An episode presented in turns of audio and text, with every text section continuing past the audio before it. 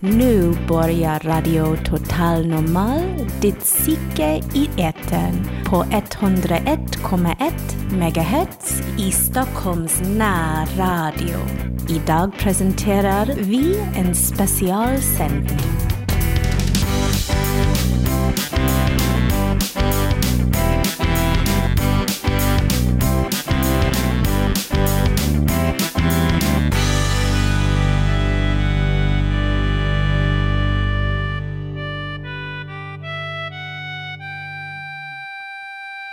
Hej och hjärtligt välkomna till Radio Totalnormal, ditt psyke i etern.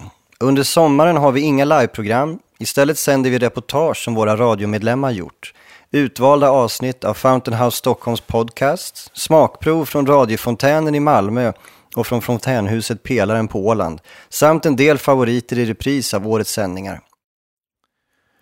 Idag ska vi lyssna till specialprogram där Anki Matt Mattis Lindo har varit på konferens i regi av Internationella samfundet för psykologiska och sociala behandlingar. Hon har intervjuat Åsa Nilssonne, psykiatriker och professor i medicinsk psykologi, Eva Sjöholm som är representant för stödgruppen Fri från psykofarmaka samt professor Peter Götze och docent Thomas Ljungberg som alla även deltagit i konferensen. Hej kära Radio Total Normal lyssnare. Jag var på en föreläsningsdag den 31 i tredje nu 2017 som hette Medicineringens roll i psykiatrin. Dagen arrangerades av svenska ISPS som betyder Internationella sällskapet för psykologiska och sociala förhållningssätt till psykostillstånd där medlemmarna mestadels är psykologer som jobbar med det här. Och det blev mycket intressanta och fina samtal och intervjuer. Så välkomna att lyssna, kära Radio Total Normal lyssnare.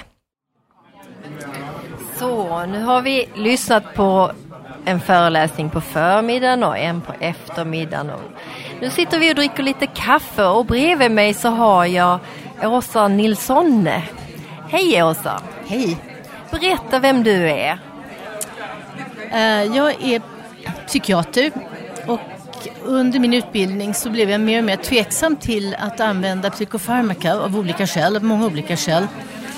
Så att um, jag valde bort psykofarmaka och är nu 68 och det har gått alldeles utmärkt. Men hur har du då kunnat vara psykiatriker när du inte har använt psykofarmaka? Jo men det visade sig ju då att det mesta som man kan åstadkomma med farmaka kan man också åstadkomma med psykoterapi. Och de sakerna som man inte kan åstadkomma med psykoterapi, de, jag, har inte, jag har inte arbetat på sådana ställen där det har varit nödvändigt. Om jag hade arbetat på en affektiv mottagning till exempel så hade jag ju säkert arbetat med litium. Men nu har jag arbetat mest med människor som har haft eh, emotionell instabilitet. Och eh, för dem är ju inte farmaka oftast något särskilt vettigt alternativ. Där ser man, så du menar att det beror lite grann på diagnos hos patienterna? Alltså, ursäkta, jag är inte emot psykofarmaka sådär generellt. Däremot så anser jag att om man nu ska skriva ut psykofarmaka eller ta psykofarmaka så ska det göras på ett genomtänkt och kompetent sätt. Ungefär som cytostatika. Att um, det är ju ingenting som man, man, man skulle skriva ut utan att verkligen tänka sig för och utan att följa upp ordentligt. Och just, just det är ju när det är cancer och det kan ju vara väldigt olika metoder där. Så det är inte alltid som eh, mediciner behövs där heller. Men eh, vad säger du om dagens föreläsning? Vi har hört på Peter Götze som också är professor och som har pratat just, han tycker ju att vi ska ta bort 98 procent av förskrivningen på psykofarmaka och bara behålla 2 procent. Vad säger du om det? Ja, för det första så får vi tänka på att han är inte psykiater utan vad han är att han är ovanligt kompetent när det gäller att förstå läkemedelsprövningar och att, att förstå vilka preparat som fungerar och vilka som inte fungerar. Um, själv har jag ingen uppfattning om hur mycket psykofarmaka man skulle kunna ta bort och liksom komma fram till att nettoeffekten blev positiv. Men um, det är alltid intressant att lyssna på honom. Han, ja. nej, men han har ett helikopterperspektiv han förstår saker och ting som, som många av oss som inte är så duktiga på statistik och på försöksplanering och så vidare inte förstår. Sen är vi inte överens i alla detaljer men det kan man ju inte heller förvänta sig. Nej, jag tror att han, han säger nog så för att röra om i grytan. Eh, och eh, han har ju fått väldigt starka reaktioner här i Sverige av psykiatriker som inte alls har tyckt som honom och Eh, han berättar ju till och med att han eh, fick eh, två artiklar som inte publicerades som censurerades i höstas när han var här och så. Men jag tycker att han tillför något väldigt viktigt, nämligen att vi pratar om de saker som inte fungerar med psykiatri och inte fungerar med psykofarmaka. Vad säger du om det? Jag håller med och jag tyckte det var oerhört, det var ett väldigt intressant upplägg idag därför att när han hade talat färdigt så fick Thomas Ljunggren som är, ehm, eller har varit professor i psykofarmakologi tillfälle att ställa frågor. Då visade det sig till exempel att när Götze säger att serotoninåterupptagshämmare är ospecifika så menade Thomas att det måste ju vara fel därför att de är så specifika som ett läkemedel någonsin kan bli. I och med att de verkar på ett enda ställe. På en viss eh, signalsubstans som heter serotonin och på vissa eh, nerver då som, som eh, transporterar eh, serotonin mellan sig. Ja. Precis, och då menade Thomas att det här hade ju i alla fall Götze fel. Och Götze sa att jo men det är klart att ur ett farmakologiskt perspektiv så, så, så är det ju fel att säga så men eftersom de här serotonincellerna som påverkas av läkemedlet i sin tur påverkar andra grupper av celler så att man får en massa andra effekter än de som man hade förväntat sig så är det ospecifikt. Så där var det en ren definitionsfråga som gjorde att Thomas tyckte att Götze var ute och reste medan i själva verket så var det bara ett annorlunda sätt att använda ordet på. Och det kan ju vara så att en del av, av de här reaktionerna som Peter Götze får bygger på den typen av missförstånd. Han uttalar sig ganska drastiskt. Han är ju som du säger ute efter att liksom få upp folk i fåtöljerna som man säger och röra om lite. Och det kan ju göra att en del personer blir väldigt provocerade. Men, men jag tycker... Och det han, det han sa, jag tänkte ju på jag har läst att serotonin det finns till 85 procent i tarmarna. Det styr om vi känner oss mätta eller hungriga. Det styr tarmrörelser till exempel. Och många som äter SSRI går ju upp i vikt. Så just det där ospecifika han talade om var ju att det påverkar så många saker i hela vår kropp. Vi har ju inte bara nerver i hjärnan utan ett nervsystem som går ända ut till varenda cell i hela kroppen. Och inte minst i fosterhjärtat finns det ju många serotoninreceptorer. Vilket är ett av skälen till att man har sett att Eh, åtminstone på råttor så kan man ju få missbildade hjärtan då hos fostret om mammaråttorna eh, äter SSRI. Så att man, man tänker ju kanske, precis som du säger, inte på att serotoninet finns på en massa olika ställen och inte bara i hjärnan. Och också att äh, mammor före graviditet och under graviditet som äter SSRI och det är vanligt idag. Det är nästan 10 procent av de unga kvinnorna äter det. Redan från att de är tonåringar och framåt och under hela fertila åldern. Jag har också läst en studie om att eh, när mamman använder före och under graviditet SSRI, alltså antidepressiva, så fördubblas risk för NPF, alltså för neuropsykiatriska diagnoser som eh, ADHD och, och autism. Och det är ju också någonting vi måste ta med in i samhällsdebatten. Ja, man kan ju inte vara nog försiktig det brukar ju sägas att man, man ska inte skrämma upp unga mammor och så vidare, eller unga blivande mammor. Men, men om det nu är så att man kan undvika risken att utsätta sitt blivande barn för skador så, så är det ju bättre att vara extra försiktig. Kan jag tycka. Ja. Alltså...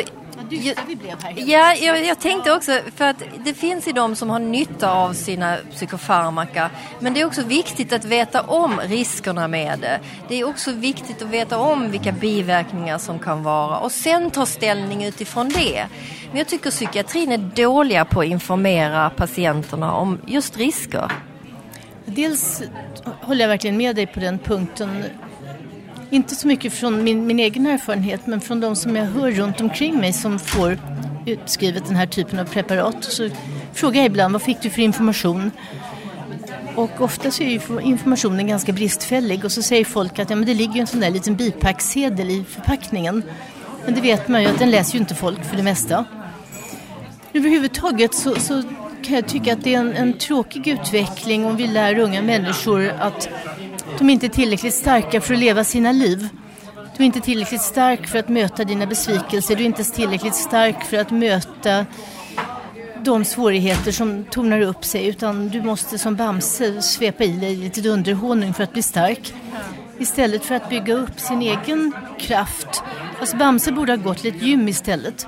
Och tränat upp musklerna och blivit stark av egen kraft kan jag tycka. Och eh, min uppfattning är ju att de allra flesta människor faktiskt kan bygga upp den motståndskraft som behövs för att ta sig igenom ett liv.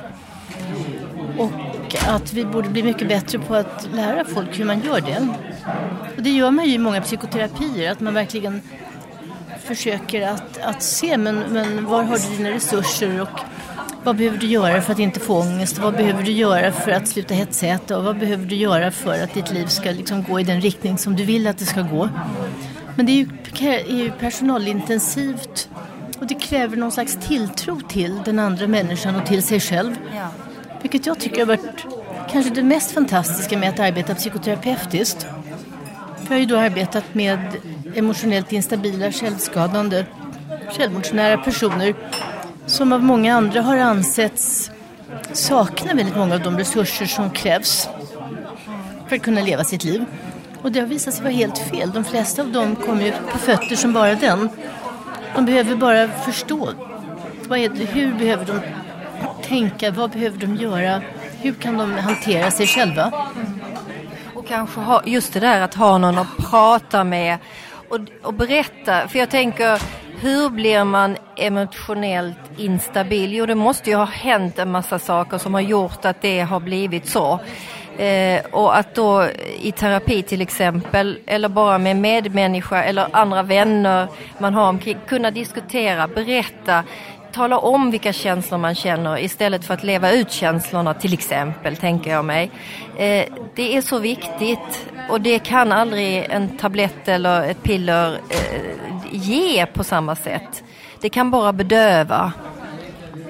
Och att förstå konsekvenserna av att till exempel ha blivit väldigt skrämd som barn. Att man blir extra vaksam och man får svårt att koppla av, man får svårt att lita på folk. Och det är en naturlig följd av det man har råkat ut för. Men det går att styra om sig själv så att man blir mindre vaksam och så att man kan bygga upp sin förmåga att känna förtroende till andra och liksom komma in i livet igen.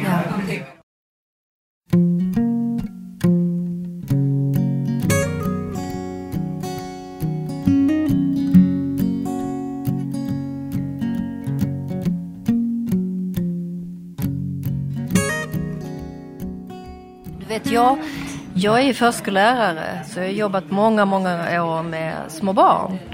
Och jag ser ju hur, hur barnen stressas idag mot hur det var när jag började som tonåring så började jag, det var på 80-talet, först outbildad och sen så pluggade jag till förskollärare. Eh, och jag ser ju att barngrupperna har blivit större. Vi har till exempel 15 plus 15 ett och tvååringar som eh, tre fröknar plus tre fröknar samarbetar de här två grupperna. För är en vuxen borta och sjuk en dag eller vabbar en dag så ska vi ändå klara oss på fem vuxna och ta hand om 30 små barn. Och de är i ett och två års ålder.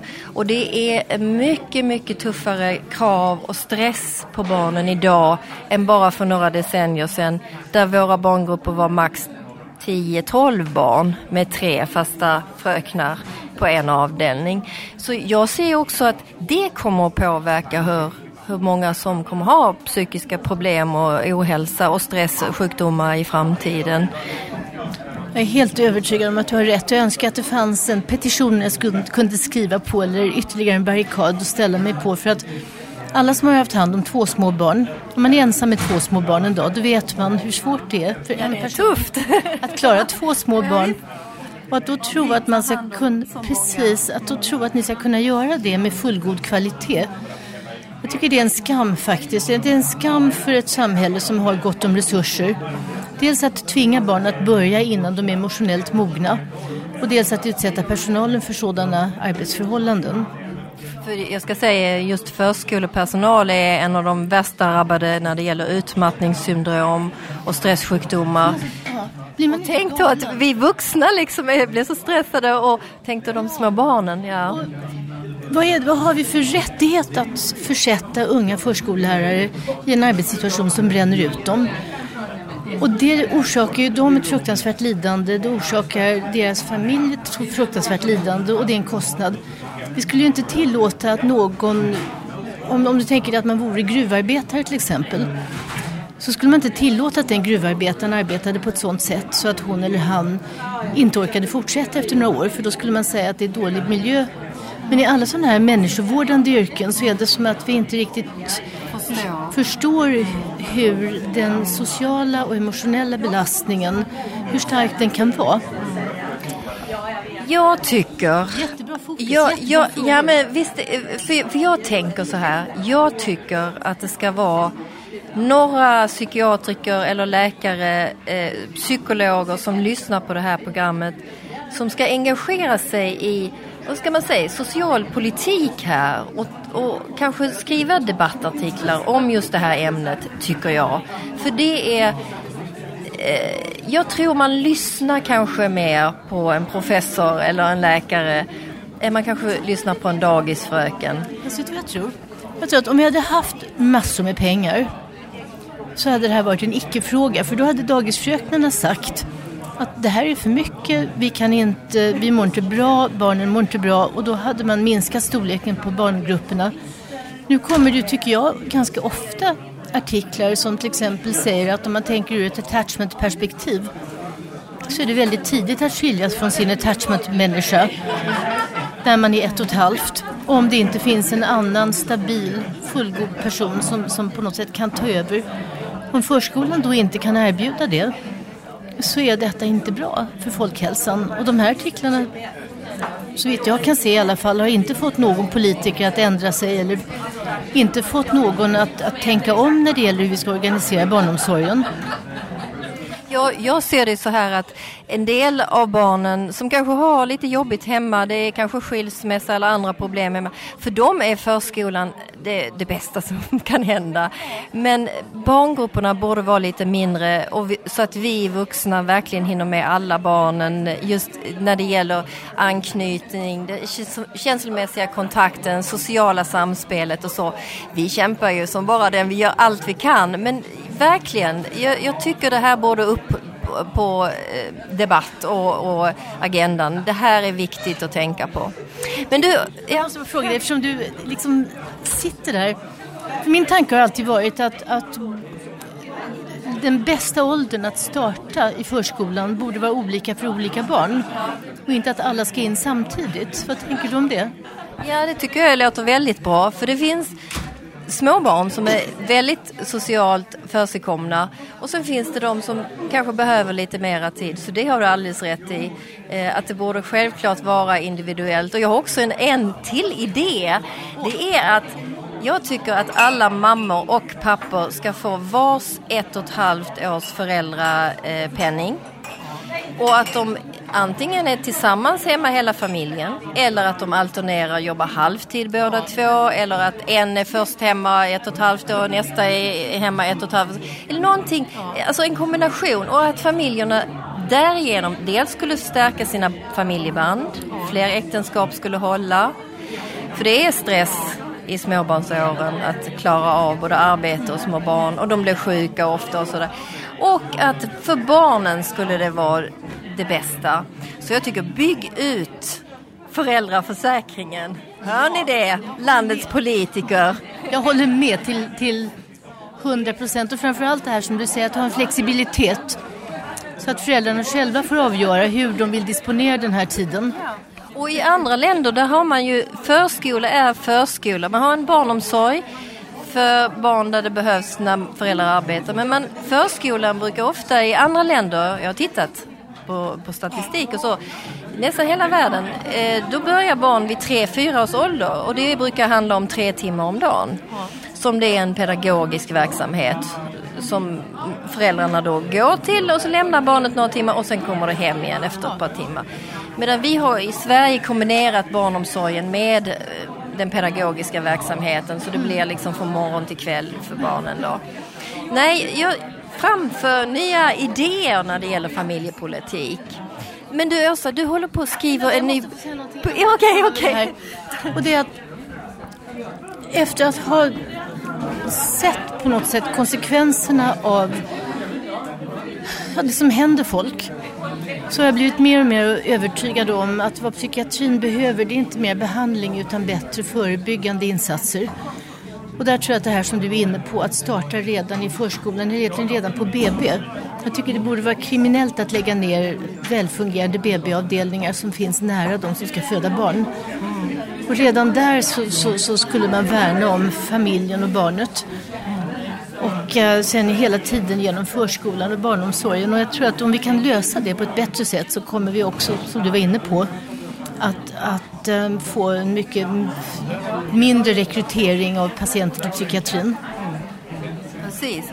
Alltså, jag hörde också idag var någon som sa att i Norge jobbar man eh, med, med psykisk eh, friskvård eller psykisk hälsa istället ja. för psykisk sjukvård. Ja. Att man liksom gör en skillnad där och att man borde dela upp det.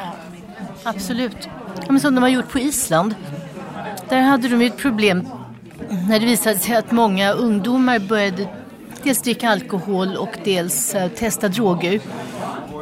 Och istället för att då tänka att nej, nu måste vi hindra dem från att göra det här så funderade man på, men varför gör de det då? Jo, för många var det så att de hade tråkigt. Det hände inte tillräckligt mycket i deras liv. Och då kunde man åtminstone testa liksom att, att dricka, testa någon rolig drog. Så då satte de igång ett enormt arbete för att skapa mera utmaningar, mera roliga Fritidsin, saker. Fritidsintressen. Och, ja. Precis. Och nu har de fått ner drog och alkoholkonsumtionen från att ha varit bland de högsta i Europa till bland de lägsta. Det är helt fantastiskt. Och där ser man också hur politik verkligen kan påverka hur samhället formas. Men nu Åsa, nu får du säga lite om din bok innan vi avslutar intervjun. Och det är så, så roligt att prata med dig. Samma. Um, jag kan säga att vi har känt varandra på nätet lite grann. Ja, lite grann. Ja. Jo, i samband med hela den här diskussionen om psykofarmakas vara eller icke vara och att det har blivit väldigt, um, en väldigt infekterad debatt så tänkte jag att jag kände ett behov av att, att berätta lite om, om hur, hur jag kom fram till att, att jag inte vill arbeta med farmaka. Och då tänker jag att ofta i vårt yrke, när vi fattar yrkesmässiga beslut så är det ju ofta så att de följer av någonting som har hänt oss vi har gjort något eller vi har inte gjort något och det har gått bra eller det har gått dåligt och då tänker vi att oh, men så här ska jag fortsätta eller det där ska jag aldrig göra om. Och då har jag skrivit ihop ett antal fall, ett antal patientöden om man ska säga.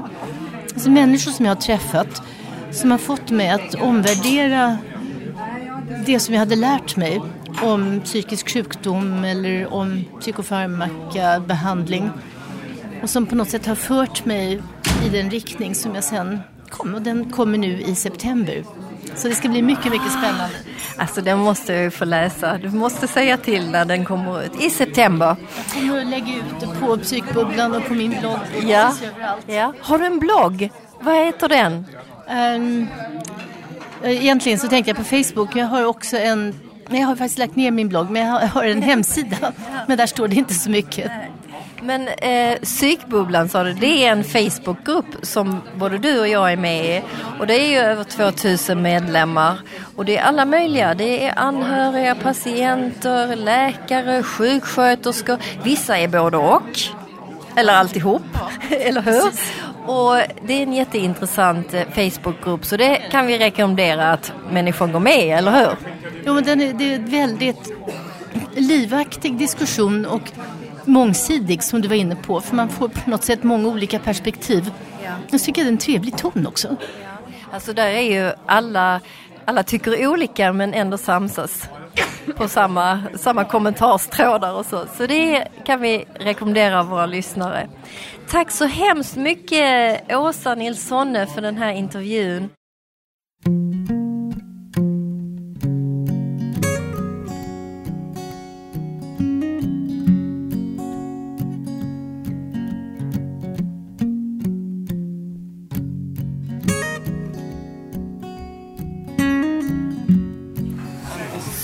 Nu är det lite lunchpaus i den här eh, konferensdagen som ISPS håller i och vi har på förmiddagen fått lyssna på Götze och en liten panel, eh, litet panelsamtal har också varit med några deltagare, bland annat dig Eva. Hej, vad heter du mer än Eva? Jag heter Eva Sjöholm. Berätta lite om varför du är med i det här sammanhanget. Ja, eh, det är en ganska lång historia men jag är med nu som, eh, både som drabbad utav svårigheter med att sätta ut psykofarmaka och som representant för en eh, stödgrupp eh, på Facebook och en eh, hemsida. Vad heter stödgruppen? Stödgruppen heter Fri från psykofarmaka, en stödgrupp för hjälp eh, med att trappa ur och trappa ner psykofarmaka och så. Men hur många medlemmar sa du det var med i den gruppen? Vi är närmare 1500 personer. Det är helt enormt många alltså. Berätta lite om vad, vad ni diskuterar där. Ja, vi hjälper ju då eh, drabbade, många, eh, sådana som vill både trappa ner och sådana som har, har fått skador av för snabba uttrappningar. Vi pratar om hur man bäst ska gå tillväga, saker man ska undvika, alltså kosttillskott och så vidare. Eh, vi stödjer sådana som mår väldigt dåligt. Peppar. Eh, ja. Ja, alltså under föreläsningen som eh, Peter Götze höll så, så tog han upp ett citat från någon eh, jag vet inte, det var någon läkarhemsida eh, som, som sa att ja, utsättning ska vara på eh, kanske upp till en vecka. Stämmer det att man skulle kunna sluta med till exempel SSRI, antidepressiva, på en vecka? Enligt den erfarenhet som du har ifrån din grupp? Eh, jag kan ju säga för det första kommer ju de till gruppen, de som har mest svårigheter. Så de som, har, som inte har några svårigheter och så slutar, de har, får inte vi kontakt med. Men min egen erfarenhet är att eh, ju yngre du är och om det är första gången som du sätter ut ett sånt här preparat och du bara tar ett, en medicin så kan det gå för vissa att sluta väldigt snabbt utan problem. Men det är ovanligt Jag kan säga att det kanske tar en månad för de flesta att sluta. Men sen är det då en, en relativt stor grupp, då framförallt som har medicinerat länge och kanske slutat och sen börjat igen. Vår erfarenhet är ju mer du håller på och ändrar, ökar doser, sänker doser, avslutar behandlingar och, och, och börjar på nytt så blir nervsystemet allt mer känsligt efterhand och det blir svårare och svårare att sluta. Så att det kan väl vara uppåt en 30-40 procent som har stora problem. Kanske får hålla på i ett år eller mer. Oj, så många? Ja, det kan det. Ja, det är ju vår grupp alltså. Ja, det var väldigt. Alltså, vad sa du den här hemsidan hette? Som, är, håller du i den, eller? Ja, jag och en kvinna som heter Anna Nederdal. Och Anna har även skrivit en bok i ämnet som heter Fri från psykofarmaka. Eh, vi har tillsammans skapat den här hemsidan med en förlaga från en engelsk sida som heter, eh, på, på svenska heter den eh, psyke.nu. Och där har vi samlat forskningsartiklar och eh, manualer, tips eh, och råd, eh, filmer, eh, litteraturrekommendationer. Allt man kan behöva för att och, och, skaffa sig kunskap och eh, förbereda sig för en nedtrappning. Eh, hur, hur är fördelningen eh, män-kvinnor i er grupp? Ja, det är förstås fler kvinnor eftersom det är klart det är fler kvinnor som medicineras med, med framförallt SSRI.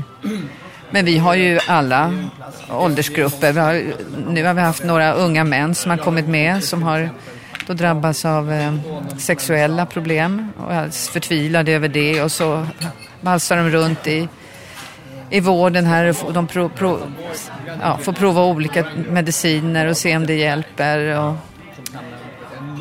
Men eh, flest kvinnor. Vilka, vilka olika biverkningar kan det vara? Ja, det är en hel lång lista. Eh, jag kan bara nämna några. Huvudvärk, illamående, brännande hud, stickande hud, domningar, eh, öm tunga, i svåra fall hallucinationer, eh, så kallade brain saps, det är elektriska chocker, liksom stötar i huvudet eller i hela kroppen så det känns som det liksom bara går en, som man sätter in. Det är precis som liksom. nervsystemet liksom spritter till ja, liksom av att ja. Eh, man inte bedövar det längre med till exempel SSRI eller andra psykofarmaka, tänker jag mig. För det, jag har hört om den biverkningen och jag har till och med hört om en patient eh, som tog upp det med sin doktor och inte blev trodd. Men idag så står det ju med i biverkningslistor på om man tittar på FASS till ja. exempel. Ja, det är, det är en väldigt vanlig biverkan. Egentligen både när det gäller SSRI och, och annan psykofarmaka. Det, det verkar ju vara väldigt fysiska symptom. Ja, det är eh, psykiska också. Det är väldigt individuellt det där. Eh, psykiska symptom som, alltså nu, om vi nu pratar ut, själva utsättningen, som egentligen inte är biverkning utan det är utsättningssymptom, så är ju ökad ångest oerhört vanligt. Och många har ju e- egentligen bara det och färre fysiska symptom. Så det där är ju individuellt. Och även eh, depressioner, modlöshet, eh, kraftlöshet. Det är väldigt vanligt att känna liksom nästan liknande influensasymptom. Man är jättetrött och, och orkar ingenting och liksom tappar lusten för allting. Så det är, det är vanligt, skulle jag vilja säga. Ja, så för våra lyssnare så eh, har vi då tipset om, om man skulle vilja trappa ner eller om man vill sätta ut en psykofarmaka som man känner att man inte längre behöver så kan man få hjälp i er grupp. Men vad säger läkaren när patienter kommer eh, och vill ha hjälp med det här? Ja, många läkare har ju inte, har ju inte kunskapen hur man rätt ska, ska sätta ut psykofarmaka. Som sagt, vissa kan ju sluta relativt utan problem. Eh, men vad vi förespråkar i vår grupp det är att man vet ju aldrig vem som kommer drabbas. Så oavsett Alltså det, vi anser att inte, man ska inte chansa utan alla ska, som ska trapp, eh, sluta med psykofarmaka, att man gör det på ett säkert och skonsamt sätt. Så vi rekommenderar att man slutar då med, eh, börja med att ta bort 10 procent ungefär. Och så se vad det blir för reaktion. Vänta några veckor och se. Eventuellt kan man öka takten då. Eh, trappa 20 procent nästa gång och så vidare. Men den här informationen har ju de flesta läkarna inte. Utan man läser till vad det står i FASS och då står det minska med hälften i en vecka och sen 25 procent. Så ska det vara klart liksom på en månad eller på ett par veckor. Men med din metod så kan det kanske ta ett år eh, och kanske till och med längre om man har stora besvär med att sätta ut. Ja, det här var väldigt intressant att höra. Och vad sa du nu Facebookgruppen hette? Den heter Fri från psykofarmaka. Och det är en sluten grupp, eller hur? Så att man är trygg med att berätta om vad man vill ha hjälp med och så. Och ni stöttar varandra. Ja, och sen så hemsidan, vad hette den? Psyke.nu. Ja, där kan man titta. Tack så hemskt mycket Eva för den här intervjun. Nu ska vi äta lite mat och så ska konferensdagen fortsätta. Nå, nå, någon föreläsning till också.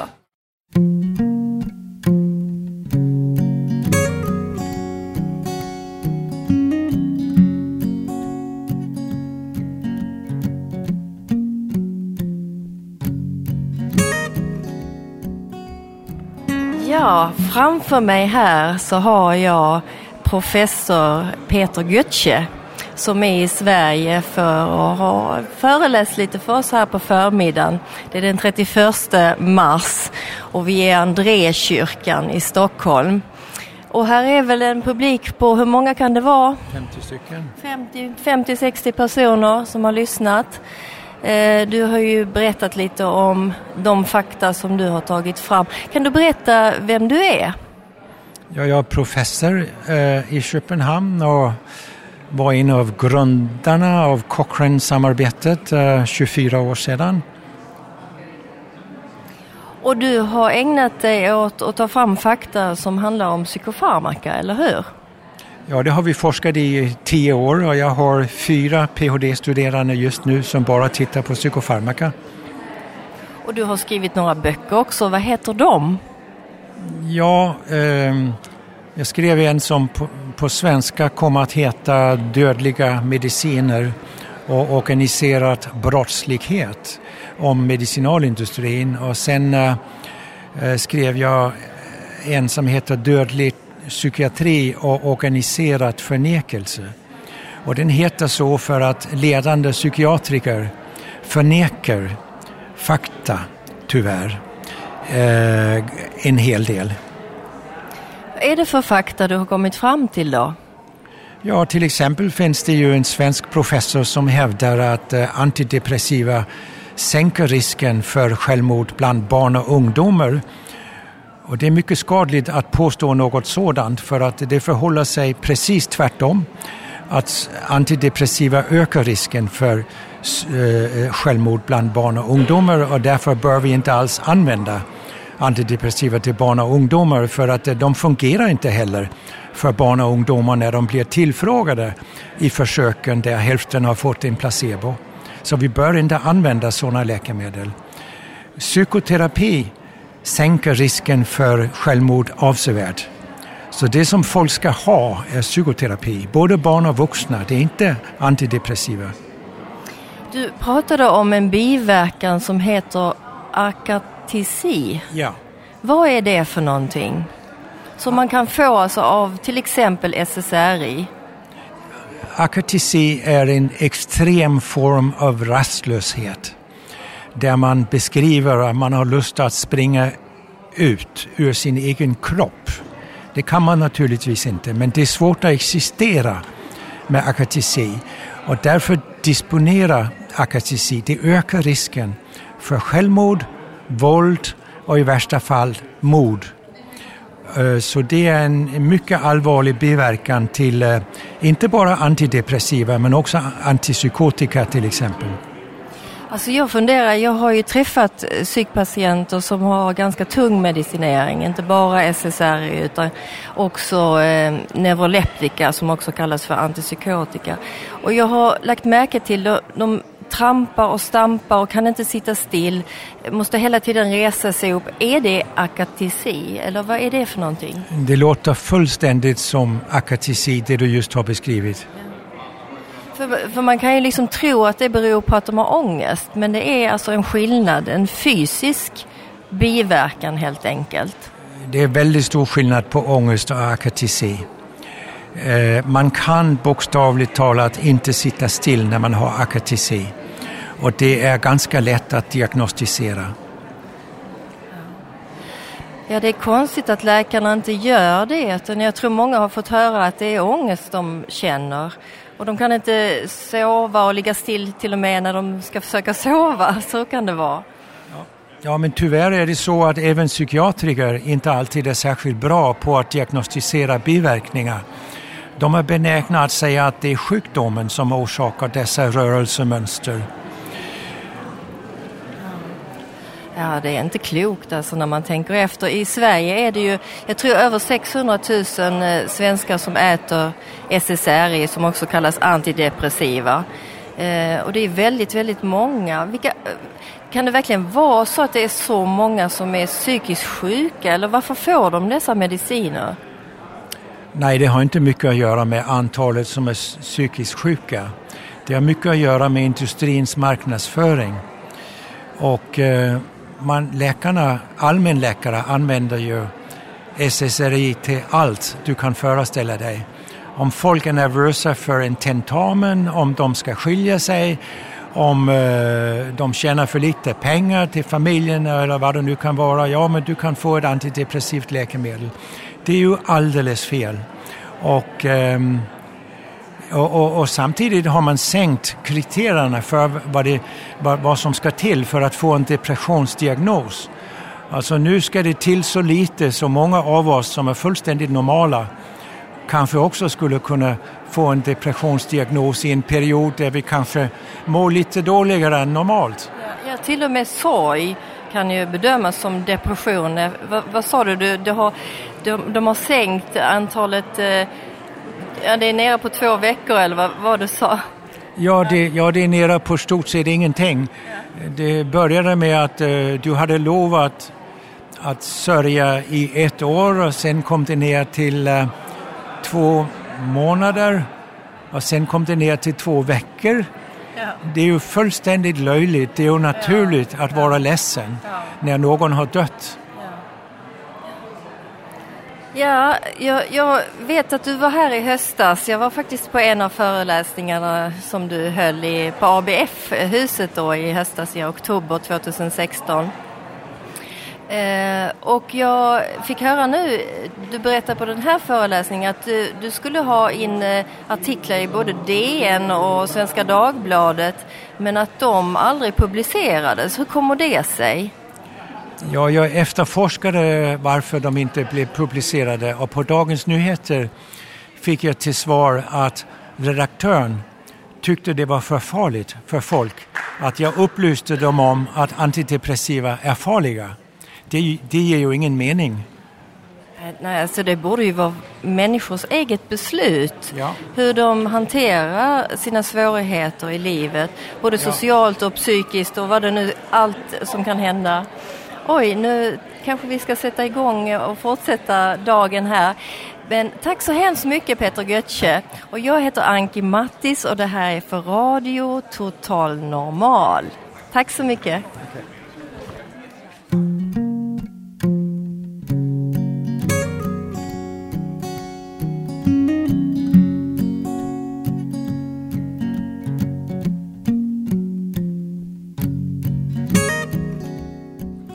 Jag kommer från RFHL Uppsala och vi har jobbat med läkemedelsproblem eh, i många år. Vad tycker du eh, om dagens konferens? Ja, det var ju upplivande som vanligt att lyssna på Peter Götze då. Eh, han, han står ju fram liksom som någon som verkligen har, har hjälpt oss med våra ja, visat på hur det ser ut eh, egentligen i läkemedelsbehandlingen. Eh, ja, hur mycket, hur mycket som, som faktiskt är fake. Vi har blivit ganska ordentligt lurade, sorgligt nog. Och eh, han tar ett eh, patientperspektiv som är, som är väldigt glädjande att höra från en sån, från en sån eh, forskare med, med så mycket auktoritet som han har haft. Men den har han ju tappat nu lite grann i och med att han har svikit eh, psykiatrin då så att säga. De som, de som är troende i, i, när det gäller att eh, se psykiska problem som biologiska sjukdomar. Ja, det blir ju en stark kritik mot, mot just läkemedelsbehandling. För det fungerar ju inte alltid. Ibland blir det ju fel. Eh, och de symptom som psykofarmaka ska lindra eh, lindrar det i många fall inte alls utan det blir värre problem. Mm. Jag tänker till exempel på er förening jobbar ju med eh, till exempel läkemedelsberoende när det gäller lugnande tabletter och, och liknande preparat. Mm. Absolut. Ja, det var ju liksom där vi började. Men eh, 1975. Men det var ju väldigt fort som vi kom in på, på att hjälpa människor med antidepressiva också. Och de gamla antidepressiva. Sen, och sen kom ju, de hade ju rätt så starka biverkningar sa man och de skrevs inte ut så mycket. Men eh, eh för att man skulle helst vara inskriven på en avdelning så att man inte gick och tog livet av sig när man tog de här tabletterna. Men sen eh, så kom ju SSRI och då påstod man ju att, eh, att de var, hade väldigt milda biverkningar och ändå var effektiva. Men eh, det visar sig att biverkningarna var lite annorlunda. Men det var fortfarande väldigt starka biverkningar inklusive risken att, att eh, ta sitt liv då eller att bli våldsam och sådär. Mm. Ja, jag har också läst eh, att eh, eh, människor kan bli eh, uppskruvade av SSRI. Alltså att det kan, de kan bli hypomana som man, som man kallar det. Alltså de kan inte sova och de är igång och igång och igång och igång. Till, till, till slut så hamnar de i depression och total utmattning. Så, och det sa man förut att det drabbade en på tusen. Idag säger man att det drabbar en på hundra. För man har registrerat fler och fler biverkningar som läkemedelsindustrin inte har informerat från början. De har ju funnits i, vad är det, 30 år någonting? Eh, eh, eh SSRI och eh, SNRI som andra gruppen heter av de nya medlen. De har ju, de har ju funnits i 37 år va? Men eh, de gamla har funnits sedan 60-talet. Eller början av 70-talet. Var det likadana biverkningar på de gamla som de nya eller skiljer det sig åt? Ja men det sa jag nyss att, att, att det, skil, det skiljer sig en del åt. Men, men eh, eh, det var intressant som du tog upp det här, jag vill knyta an till det du, du säger om, om att man kan värva upp. Alltså, och, och, och att det här det, det krympte från det ökade från en på tusen till en på hundra. Men som vanligt när vi jobbar med läkemedel så är de där siffrorna alldeles eh, för låga. Alltså, det, alltså, det beror på vad man, vad man ser för någonting. Men om jag säger så här, va, många får ju, har ju fått eh, antidepressiva för att de är, eh, har ett, eh, en utmattning. De klarar inte upp, de står inte ut på jobbet längre. Va? Så att säga för att det blir för jobbigt. Och då får, då har de jobbat på som katter. Va? Och så får de en antidepressivt medel. Och då är det väldigt vanligt att det trycker ner eh, liksom reaktionerna, då, eh, de negativa reaktionerna och de sätter igång och börjar jobba igen. Mm. Och då i nästa i nästa läge så rasar de ihop. Alltså det, det är något, det, de får en, all, en svårare sjukdom kroppsligt eller något. Någonstans så tar det ju vägen att de är i en orimlig situation. Mm.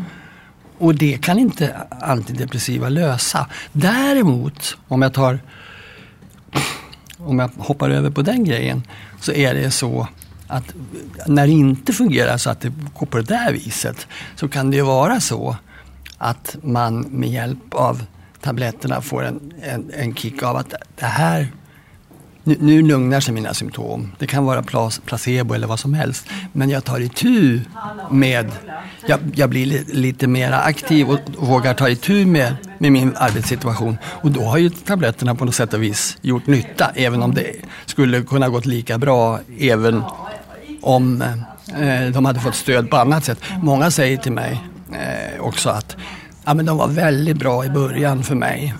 Och då frågade jag, men vad hände i början? Och då berättar de vad som hände. Och de har gjort en enormt fin insats för att ta itu med sina problem. Va? ja, men då säger jag, då tycker jag att du ska tacka dig för det istället för att tacka för medicin som egentligen vetenskapligt sett har ytterst tveksam verkan. Alltså den här konferensdagen är ju ganska annorlunda mot andra psykiatrikonferenser jag varit på när, när man pratar om hur effektivt det är och hur bra det är med, med olika sorters eh, psykofarmaka och så. Men eh, verkligheten ser inte riktigt så ut, det gör det ju inte. Och det är många patienter som, som inte alls känner att de har fått den hjälp de trodde de skulle få. Mm. Och en del har ju också hamnat i beroende som, som just du och din förening har, har jobbat mycket med. Och så. Mm. Ja, det här var en intressant dag tycker jag. Eh, och eh, det var också intressant att höra eh, Thomas Ljungberg. Ja, mm, han, han är ju läkare och farmaceut. Och han höll en föreläsning eh, där han pekade på till exempel psykosociala orsaker till att till exempel barn och ungdomar kan få ADHD, pratade han om. Eh, och vad säger du om hans föreläsning? Ja, det finns, finns väl mycket att säga egentligen. Eh, alltså, eh, han, han pekar ju väldigt mycket på att det finns en kraftig eh, faktor i det här och det är mognadsutveckling. Eh, Precis, det han pratade om var just att barn som får diagnos ADHD har en, en, en utvecklingsförsening sa han, eller en mm. mognadsförsening och att det var väldigt vanligt med att den som är yngst i klassen får ADHD-diagnos. Alltså mm. helt enkelt är den som inte riktigt hänger med i studierna lika mycket som de som är äldst i klassen. Och det kan ju skilja ett helt år nästan. Mm. Om man är född sent eller tidigt på året. Mm. Det är väldigt intressant alltså att tänka. Ja, Ja, jag, jag, jag, tänker på mig själv då. Eh, jag minns så väl eh, att min pappa som var lärare, han sa att han är inte skolmogen, sa han om mig. Precis, för förr pratade man om skolmognad och det fanns också ett test. Mm, ja. När vi var små, jag är född på 60-talet, när är du född? 48, 48 är jag född. Ja, oj, jag trodde du var yngre. Men ja, men på vår tid var det ju så. Man, man eh, lät barnen göra skolmognadstest innan de börjar skolan. Det gör man inte idag. Det gör man inte. Jag klarade testet men jag är också född i februari. Och, Bästa och då, läget. då hade jag ett, ett, en bättre förutsättning då så att säga i någon mening. Men, men alltså jag skulle ju på min tid så fanns ju inte ADHD. Men eh, psykologerna intresserade sig en del för mig och undrade vad det var för konstigt med mig. Men eh, jag skulle ju ha fått ADHD-diagnos då. Det skulle jag säkert ha fått. Eh, för jag levde, eh, ja, jag hade en rätt svår situation i den åldern.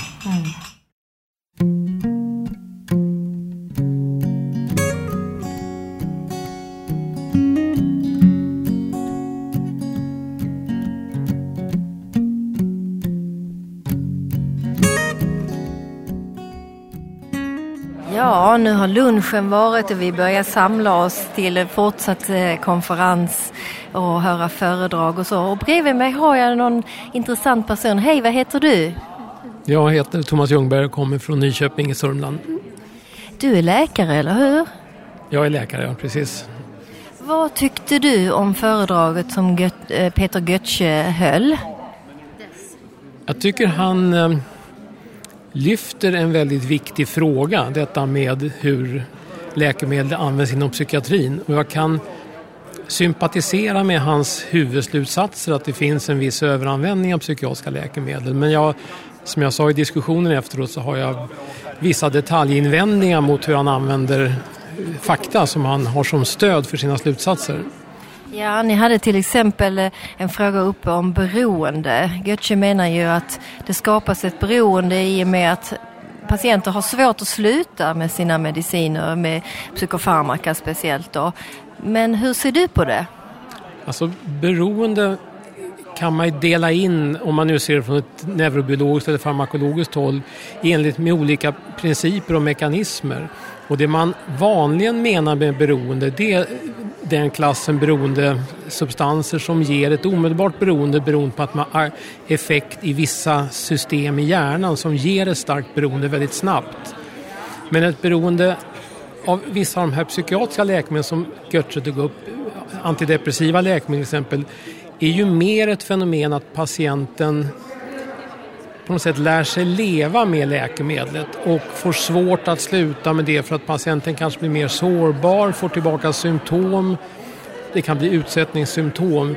Men det är en annan, mycket mer indirekt sett, eh, typ av beroende och jag tycker det är viktigt att man särskiljer de två. Man skulle vilja ha ett, liksom ett specifikt namn för det. För jag förstår lite hur du menar. Men han jämförde till exempel med att vara beroende av cigaretter. Att man behöver inte öka dosen. Man röker sina 10 eller 20 cigaretter om dagen men behöver inte öka dosen. Ändå kan det vara, finnas någonting vi kallar för beroende men det skiljer sig lite från till exempel om du tänker illegal narkotika och så. Ja, det har du rätt i. Ja, men jag tycker det är så väldigt bra att du som läkare ändå deltar i den här konferensen. Har du fler kollegor här tror du? Vet du? Ja, det är flera kollegor här. Så det är en del i alla fall som lyssnar på Götze, även om det finns eh, en, en del i läkarkåren som har blivit väldigt arga på honom och tycker han eh, går för hårt fram. Ja, men jag tror att det är lite det som jag försöker lyfta, att han ibland glider lite på, på underlaget i sina slutsatser. Och att det är lätt att eh, missa hans huvudpoäng genom att istället titta på bara detaljerna där han har fel i faktiskt. Ja, för jag tycker han har väldigt viktiga poänger. Vi använder nu psykofarmaka alldeles för mycket. Jag har läst att på tio år så har psykofarmaka-användandet i svenska befolkningen ökat med 50 procent. Det är väldigt mycket, eller hur? Så många fler kan inte ha blivit, fått psykiska problem, eller hur? Alltså jag ska ju ehm, föreläsa nu under eftermiddagen och jag har faktiskt tagit fram statistik för skillnaden för tio år sedan och den är inte så stor förutom vissa grupper. Det som har ökat väldigt kraftigt är ju eh, läkemedelsbehandling av ADHD. Men ångest och sömnmedel har snarare minskat lite grann och behandling med antipsykotiska läkemedel ligger i princip still. Så att, antidepressiva läkemedel har gått upp lite grann men jag tror inte det är så mycket som 50 procent. Men i och med att ADHD-läkemedlen har blivit så väldigt utbredda så har den totala användningen ökat. Ja, men det är svårt det där med siffror. Det brukar vara lite, precis som Götze sa, det är som ett gummiband när det gäller forskning. Ibland så är det någon som spänner ut väldigt och ibland är det någon som inte spänner ut alls. Så vi, vi får helt enkelt ta och göra våra egna slutsatser när det gäller det här.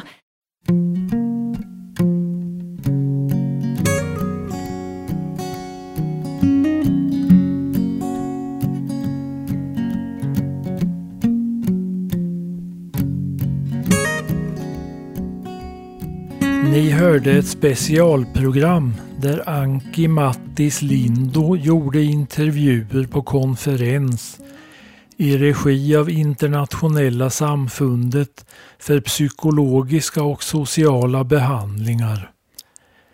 Jag som presenterat dagens program heter Helge Grünbaum.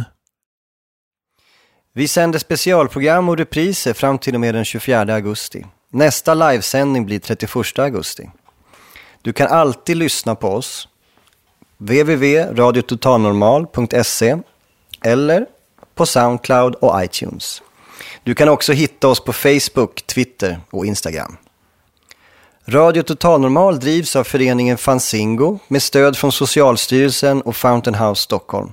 Eh, tekniker var Benny Rodin, Gabriel Wikhede och Gustav Sondén. Producent Malin Jakobsson och Kristina Skippa. Ansvarig utgivare Bodil Lundmark. Musiken i programmet har valts av redaktionen. Och jag som var dagens presentatör heter Anders Emanuel Rudström. Tack för att ni har lyssnat.